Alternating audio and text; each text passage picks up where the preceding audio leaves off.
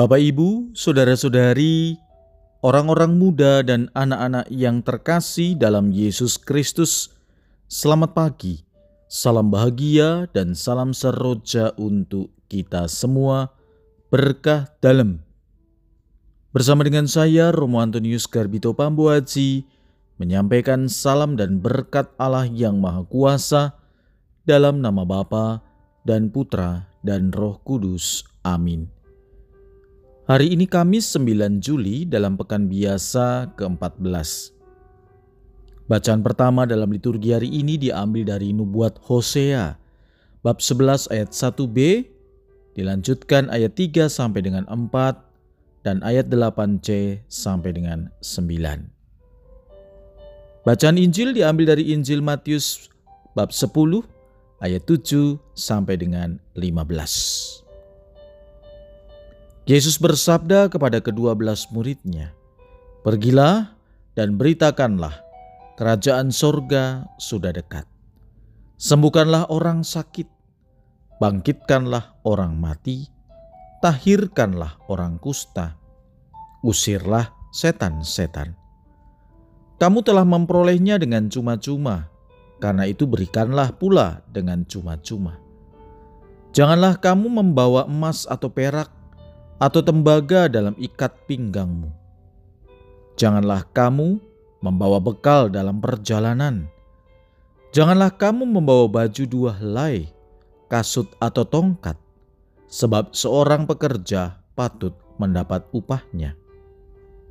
Apabila kamu masuk kota atau desa, carilah di situ seorang yang layak dan tinggallah padanya sampai kamu berangkat Apabila kamu masuk rumah orang, berilah salam kepada mereka.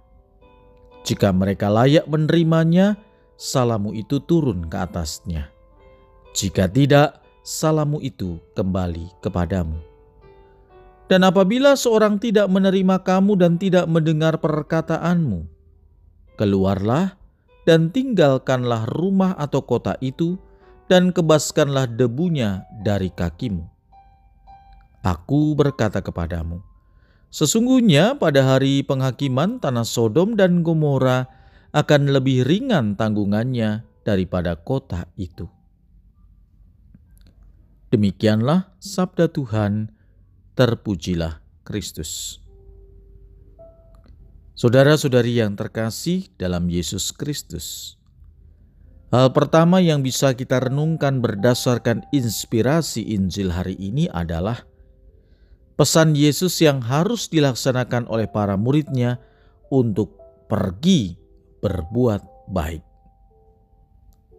Setiap orang pada dasarnya punya nilai-nilai kebaikan yang tidak tergantikan oleh apa pun. Kebaikan dalam diri setiap orang berasal dari Sang Pencipta. Kita diciptakan seturut gambar dan citranya maka tidak bisa dipungkiri bahwa setiap manusia mampu melakukan kebaikan. Pertanyaannya, perbuatan baik apa yang sudah kita lakukan untuk sesama?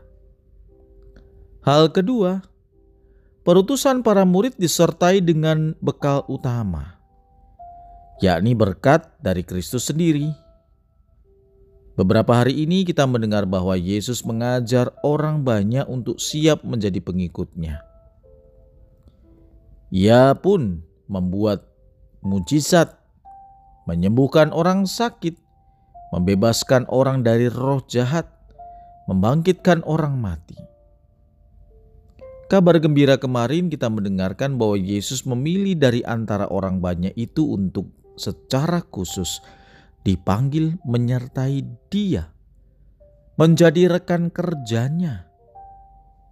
Ia kemudian juga memberi kuasa kepada mereka untuk mengusir roh-roh jahat dan melenyapkan segala penyakit serta kelemahan.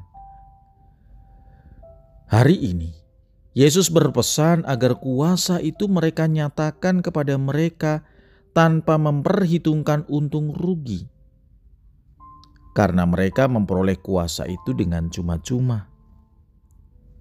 Selanjutnya, Yesus melarang mereka untuk membawa perlengkapan apa pun sebagai modal dalam perjalanan. Hal ini dengan alasan pertama, agar para rasul tidak menjadi pribadi yang cemas karena kekurangan yang bakal dialami dalam tugas perutusan mereka. Dengan demikian, fokus mereka terletak pada tugas yang diberikan oleh Yesus.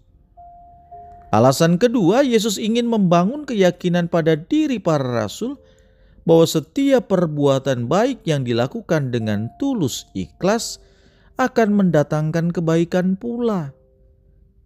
Setiap pekerja patut mendapat upah. Yang dimaksud Yesus adalah bahwa jika mereka menabur kebaikan, pasti mereka akan mengalami kebaikan dari orang yang dijumpai. Ketiga, Yesus menanamkan dalam diri para rasul rasa kepercayaan dan menggantungkan diri sepenuhnya kepada Dia yang memberi tugas perutusan. Keyakinan akan perbuatan Yesus membuat mereka percaya diri dan tidak cemas dalam menghadapi setiap tantangan yang bakal mereka hadapi. Saudara-saudari yang terkasih, sabda Tuhan hari ini kiranya sangat jelas bagi kita bahwa Yesus memberi perintah kepada kita, maka tugas kita adalah melaksanakannya dengan setia.